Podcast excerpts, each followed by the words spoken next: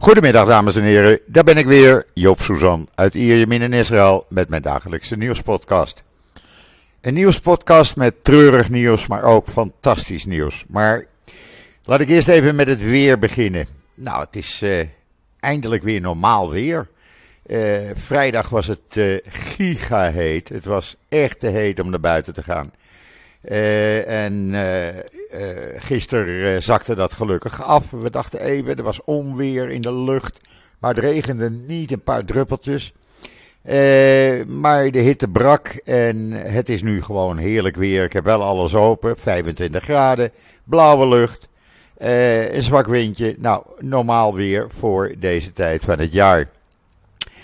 En dan het weekend heb ik, uh, kreeg ik een verrassing van een van de schoondochters. Die, uh, ze nodigde me uit voor de lunch gisteren. En uh, wat had ze gemaakt? Ze had Sholand gemaakt. Nou, dat had ik een tijd niet gegeten. En ik heb er zoveel van gegeten, onbeschoft veel. Het was ook zo lekker met heerlijk vlees erbij. dat ik, ja, s'avonds heb ik eigenlijk niet gegeten. Want ja, het was Showland zoals Showland hoort te zijn. Uh, ze hadden de hele nacht uh, in de elektrische koker uh, gelaten. Dus ja, goed doorgestoofd, laten we het zo maar zeggen. En het was echt, het was geweldig. Dus dat was een heerlijke verrassing voor Joop. En ja, dan het treurige nieuws. De drie IDF-soldaten die gisteren zijn omgekomen. Uh, de angst van elke ouder uh, waarvan de kinderen uh, in dienst moeten. Zelfs bij een relatief rustige grens kan het fout gaan. En hier is echt fout op fout gegaan. er bleek een, s'nachts een druk, drugsmokkel te zijn. Er was om een uur of vier, kwart over vier in de ochtend nog contact met de eerste twee soldaten. Uh, en daarna urenlang niet. En die waren dus inmiddels al uh, gedood door die Egyptische politieagent. Uh, een Egyptische politieagent die door een nooddoorgang, die door Israël wordt gebruikt bij drugsmokkel, de grens was overgekomen, een Koran bij zich droeg en uh, ja, ging schieten op deze twee soldaten. Uh, ja, onnodig eigenlijk. Uh, soldaten hebben ook niet teruggeschoten. Dat is heel raar en het is niet meer te achterhalen waarom ze niet teruggeschoten hebben. de eerste twee soldaten die omkwamen was Ogad Dagan 20 eh, jaar oud. En de vrouwelijke soldaat Lia Ben Noon, 19 jaar jong, uh, worden vanmiddag uh, begraven in hun respectievelijke woonplaatsen. Dat zal weer zeer triest zijn, zeer treurig, zeer emotioneel. En dan zegt de chefstaf, we gaan het grondig onderzoeken en we zullen de nodige conclusies trekken. Maar ja, daar heb je deze drie jonge mensen niet mee terug. jou ook zei, uh, we gaan uh, uh, tot het einde onderzoeken wat hier fout is gegaan. Want uren later, om een uur of twaalf, toen eindelijk die politieagent gevonden werd, de helikopters waren te laat. het waren landtroepen die die politieagent vonden. en hij schoot toen nog een andere soldaat dood, Ori Yitzhak Ilus, ook 20 jaar jong. Uh, en verwonde de commandant van die eenheid. Uh, nadat hij doodgeschoten werd. Uh, daar zat te veel tijd tussen, ruim acht uur. En dat kan niet, dat, is, dat zijn fouten. Ilus wordt vanmiddag om vijf uur begraven in Safat. Ben Noon, zij wordt om half vijf begraven in Rishon LeZion. En Dagan wordt om vijf uur in Ofakim begraven. Uh, ja, hoe dat kan en waarom de soldaten in ploegen van 12 uur dienst deden, uh, dat moet allemaal onderzocht worden. Er was dus om half drie s'nachts die drugsmokkel. die werden om drie uur gepakt. Om kwart over vier werd er met Ben en Ilus contact gemaakt. er werden wel tussen zes en zeven uur schoten gehoord. Maar daar werd verder niet op gereageerd.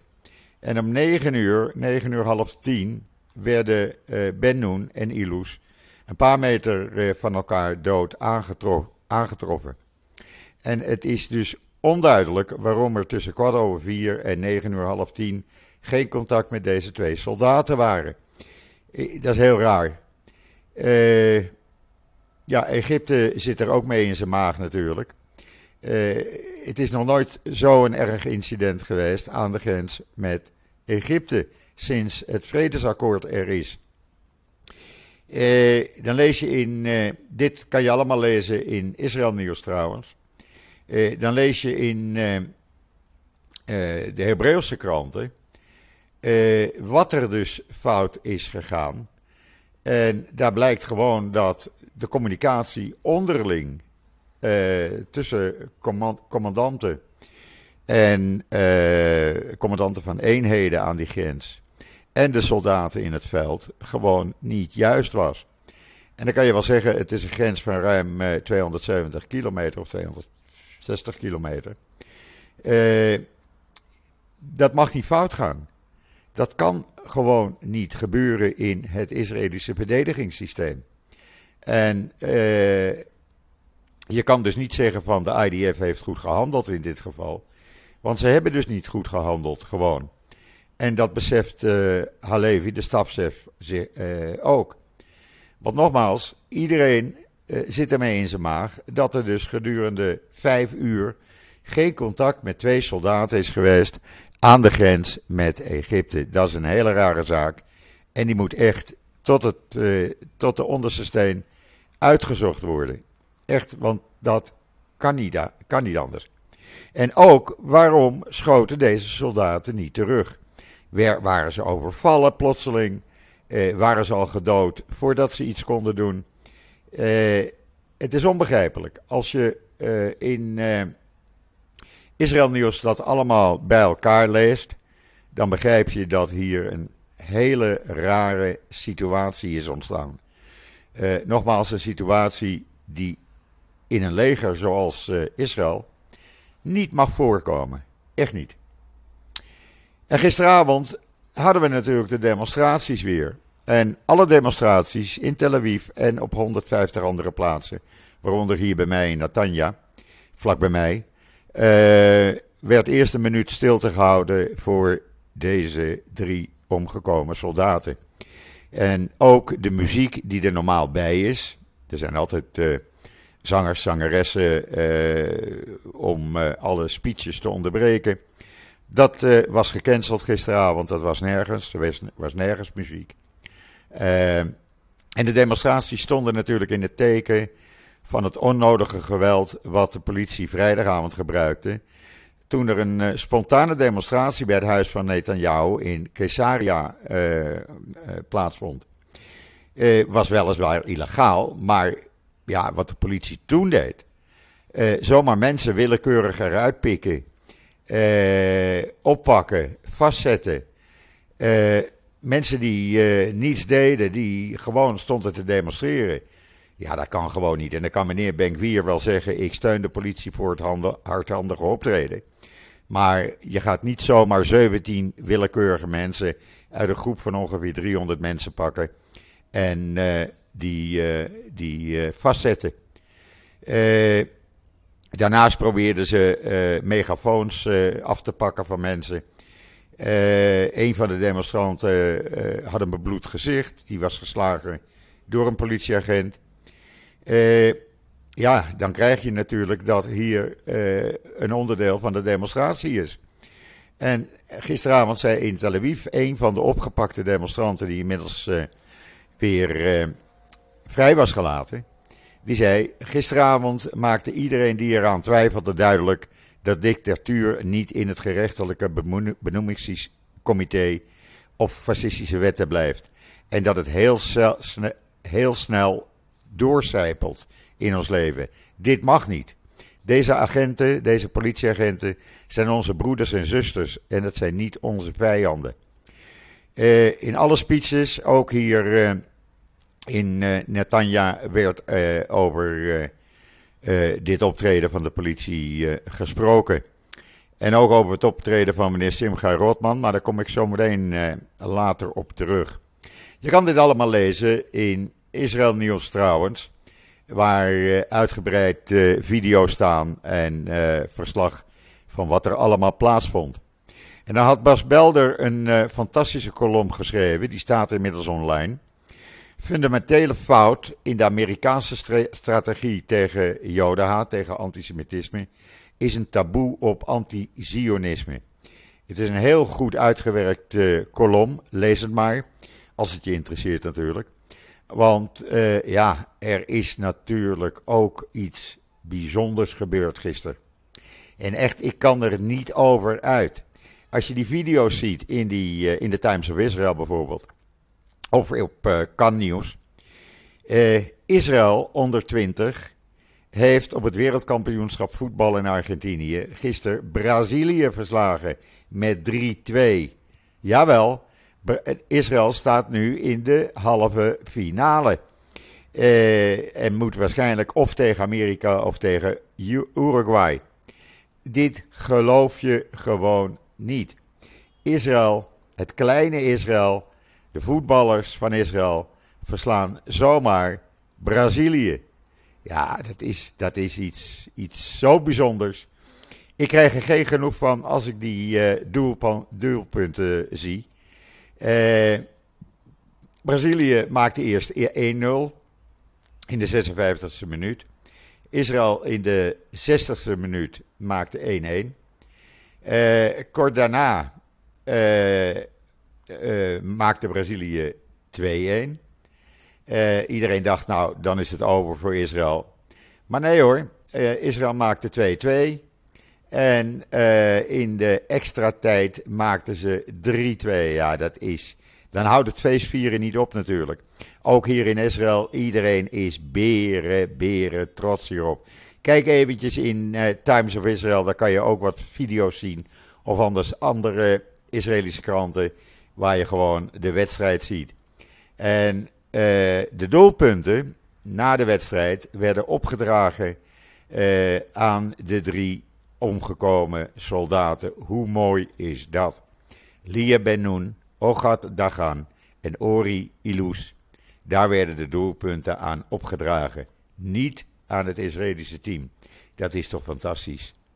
Dan, uh, ja, dan besef je hoe groot en, uh, het kleine Israël is. Dit is echt heel mooi. En uh, ja, meneer Simcha Rotman, dan kan de hele regering wel zeggen we steunen hem.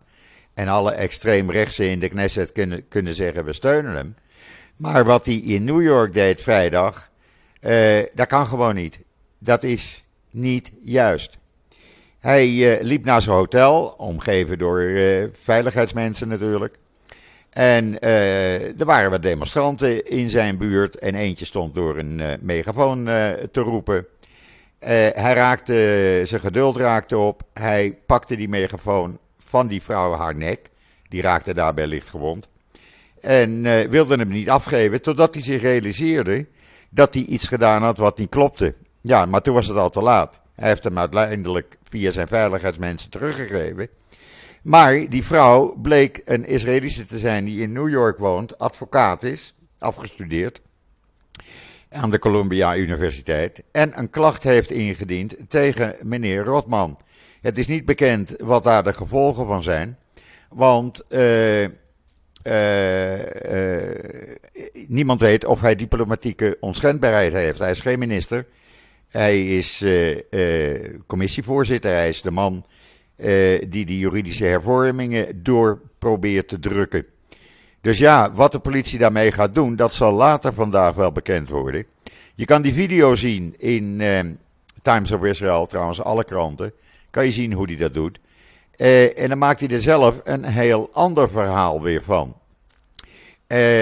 hij maakt ervan dat Die mensen die liepen in zijn buurt met die megafoons. Eentje trapte op de voet van zijn vrouw. Nou, dat is allemaal niet waar. Er werden doodswensen naar hem en zijn vrouw geroepen. Nou, ik heb ze niet gehoord. En hij zegt: Ik uh, pakte die megafoon af omdat de demonstrant die megafoon in mijn oor duwde. Nou, ook dat zie je niet op de video dat dat gebeurde, want die, demonstrant staat meters bij hem vandaan. Dus meneer maakt er gewoon een grote leugen van. En dat kan gewoon niet. Het is een democratie. En dat meneer Rotman uh, er niet van houdt als er tegen hem gedemonstreerd wordt, ja. Dat is zijn probleem. Maar dan moet je niet gaan liegen. Dan moet je gewoon toegeven: oké, ik heb een fout gemaakt. En uh, ja, ik zit nu met de gebakken peren. Want daar zit hij mee. Of hij later vandaag bij die Celebrate Israel parade gaat meedoen in New York. Ik moet het nog maar zien. Want ik denk niet dat hij daar vriendelijk ontvangen gaat worden. Even een slokje water. Maar goed, dat is zijn probleem. Uh, wat er met die uh, andere politici uh, gebeurt die mee gaan doen. er zal wel een tegendemonstratie vandaag plaatsvinden. Want er doen zo'n negen ministers. Ja, waarom dat elk jaar moet, dat begrijp ik ook niet. En nog eens een keer negen Knessetleden mee. ja, waarom die allemaal mee gaan lopen? Nou ja, als ze dat leuk vinden, een lang weekend New York op staatskosten. Ze gaan hun gang maar. Eh, maar er zal eh, gedemonstreerd worden tegen deze ministers en Knessetleden in New York.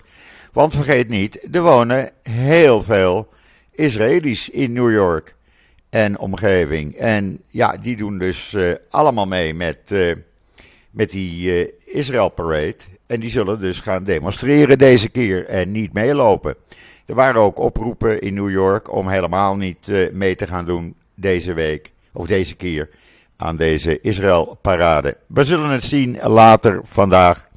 Uh, zal ik daar ongetwijfeld op terugkomen. En dan is er meer en meer duidelijk over dat bootongeluk op het laagboot Majore, waarbij uh, een Israëlische ex-Mossad-agent omkwam. Het blijkt dat een groep uh, Israëlische en Italiaanse geheime dienstmensen daar zaten ter afsluiting van een onderzoek naar Iran en naar Russische ja, miljardairs, zogenaamde miljardairs, die rond het Lago Maggiore wonen. Het is nog niet duidelijk waarom die boot is uitgevaren, terwijl er werd gezegd er, komt, er is een risico op valwinden, dus vaar niet uit. Ze zijn toch uit gaan varen. Eh, de, de, vrouw van die kapitein blijkt een Russische vrouw te zijn. Die als uh, vertaalster optrad voor deze groep uh, spionnen, laten we het zo maar zeggen. Het is een heel raar verhaal. Het wordt gekker en gekker. En ze deden zich ook voor als toeristen. kapseizen werd veroorzaakt door plotseling opkomend weer, waarvoor gewaarschuwd was. Uh, ze hadden, uh, toen ze terugkwamen hier in Israël, die uh, Israëlische Mossad-mensen, waren hun gezichten bedekt. ja, als je dat leest in de Jeruzalem Post, dan lijkt het meer en meer op een soort, ja, hoe noem je dat? Een, een, een, thriller, zullen we het zo noemen? Ja, een thriller. heel raar. Lees het maar in de Jeruzalem Post, dan word je meer duidelijk. En dan iets wat zelden voorkomt, maar de benoeming van nieuwe opperrabijnen voor Israël is uitgesteld tot na 31 oktober, nadat de gemeenteraadsverkiezingen plaatsvinden. Waarom? Men is bang dat die eh, benoeming de gemeenteraadsverkiezingen gaat beïnvloeden en andersom. Eh, wat blijkt als je in de Times of Israel leest, uh, de kandidaten die uh, hiervoor in de markt zijn om opperrabijn van Israël te worden, is uh, rabbijn David Jozef. Dat is de broer van de huidige Sephardische opperrabijn.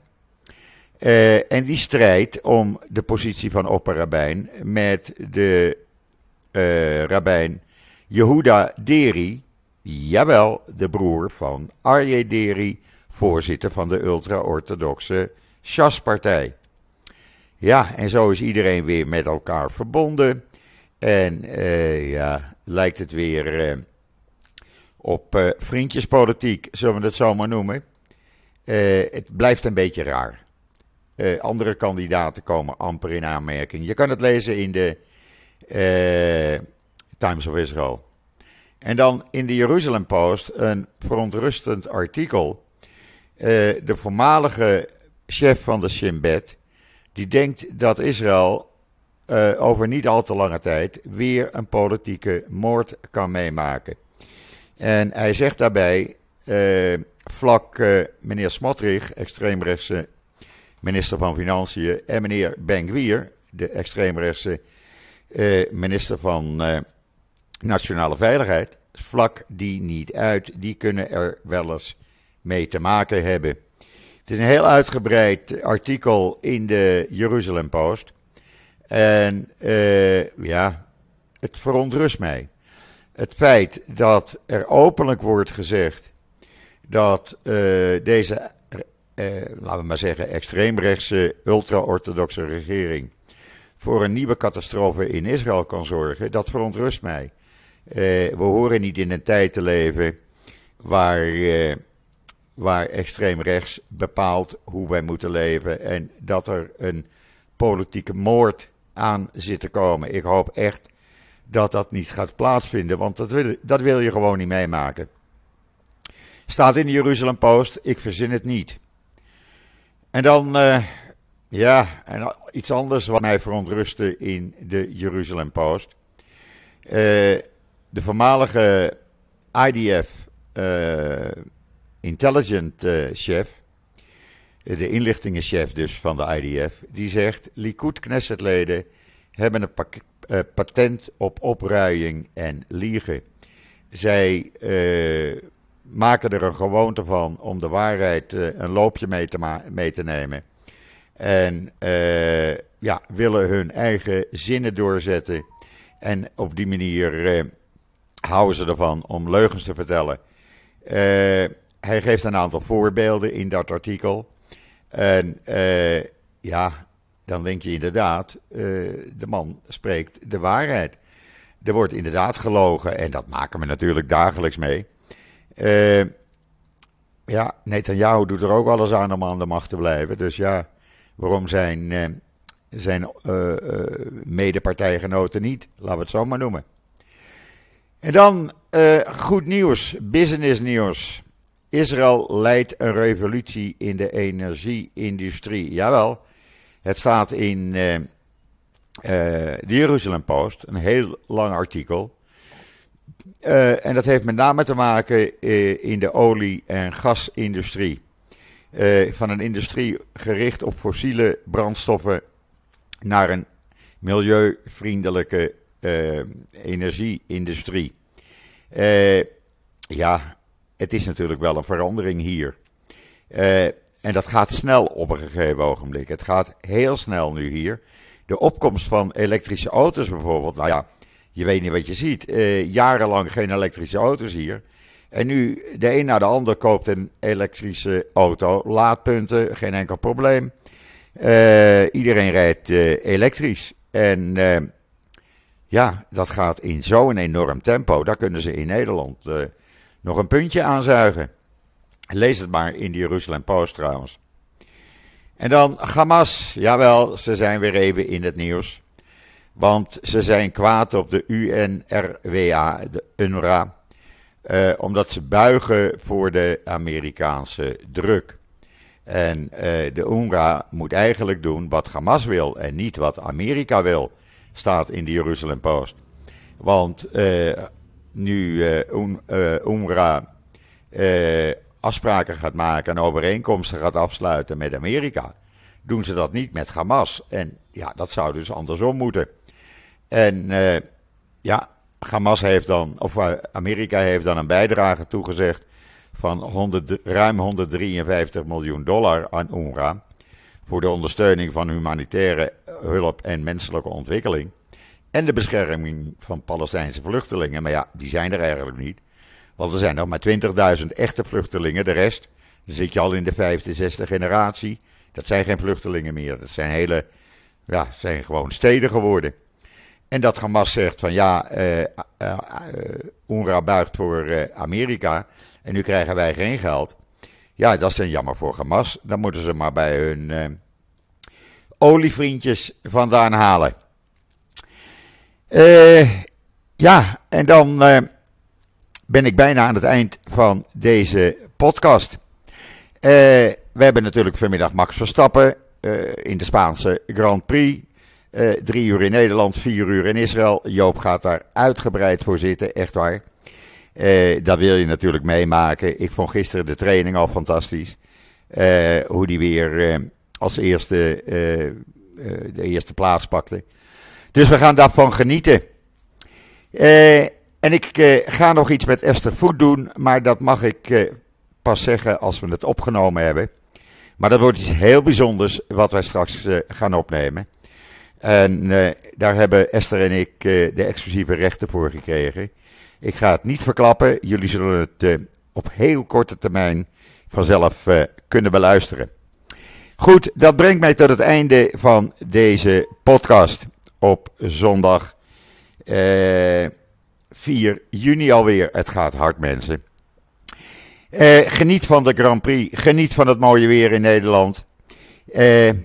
Ik ben er morgen weer. En zeg zoals altijd: tot ziens. Tot morgen.